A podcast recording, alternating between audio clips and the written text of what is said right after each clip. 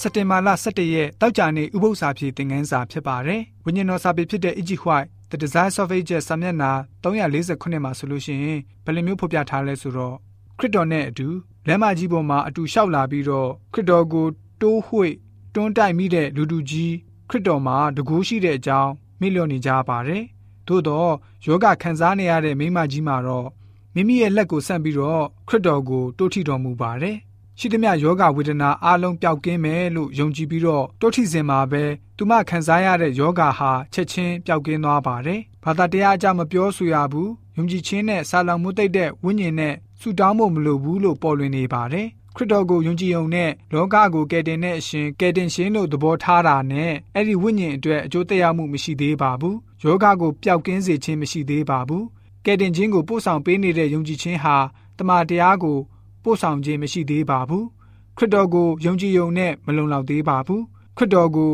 ယုံကြည်ရပါမယ်။ကျွန်တော်တို့အတွက်အကျိုးကိုဖြစ်စေတဲ့ယုံကြည်ခြင်းမျိုးကတော့ခရစ်တော်ကိုဖက်တွယ်ထားပြီးတော့မိမိကိုယ်ပိုင်ကယ်တင်ရှင်အဖြစ်သတ်မှတ်ဖို့လိုပါသေးတယ်။ခရစ်တော်ရဲ့အကျင့်အတိုင်းကျွန်တော်တို့ရဲ့အကျင့်ဖြစ်စေဖို့လိုပါသေးတယ်။ကျွန်တော်တို့ရဲ့ဝန်ချတောင်းပန်ခြင်းမှာလောကသားတွေကိုပြသဖို့အတွက်ကောင်းကင်ကရွေးချယ်ဆစ်လွတ်တဲ့ခရစ်တော်ရဲ့တစ္ဆာတော်အကြောင်းကိုပြသနိုင်ဖို့ဖြစ်ပါတယ်။ခ ရစ်တော်ရဲ့ကရုဏာတရားကိုတိမှတ်ပြီးတော့ရှေးလူတွေရဲ့တန်ရှင်းစင်ကြယ်မှုကိုအကြောင်းပြုပြီးတော့ကျွန်တော်တို့တွေ့ကြုံရသမျှကိုပြန်လည်ပြီးတော့တည်တည်ခံမယ်ဆိုရင်တော့ထိရောက်စေပါတယ်။ဖះရှင်အကြောင်းတက်တည်ခံတဲ့နေရာမှာကျွန်တော်တို့လှုပ်ဆောင်သမျှဟာဖះရှင်ကနေပေးတဲ့တကူဖြစ်ကြောင်းထင်ရှားစေရပါမယ်။လူတိုင်းမှာအခြားသူတွေနဲ့မတူညီတဲ့ဘဝအသက်တာလမ်းကိုစီရှိကြပါတယ်။ထထဖျားရဲ့အလိုတော်ကတော့ကျွန်တော်တို့ရဲ့ချီးမွမ်းတဲ့ဟာသူ့ထံတော်ကိုတက်ရောက်ဖို့ဖြစ်ပါတယ်။ကိုကြီးကိုငါမှတ်သားခံစားချက်တွေရှိမှဖြစ်ပါတယ်။ ဖျားရှင်ရဲ့ကရုဏာတော်အကြောင်းကိုတီးဆိုချီးမွမ်းရတဲ့တကူဟာအလွန်မြင့်မြတ်ပါတယ်။ခရစ်တော်အသက်တာနဲ့တူညီတဲ့အသက်တာကိုရရှိဖို့ဖျားရှင်ရဲ့ကရုဏာတော်ကနေ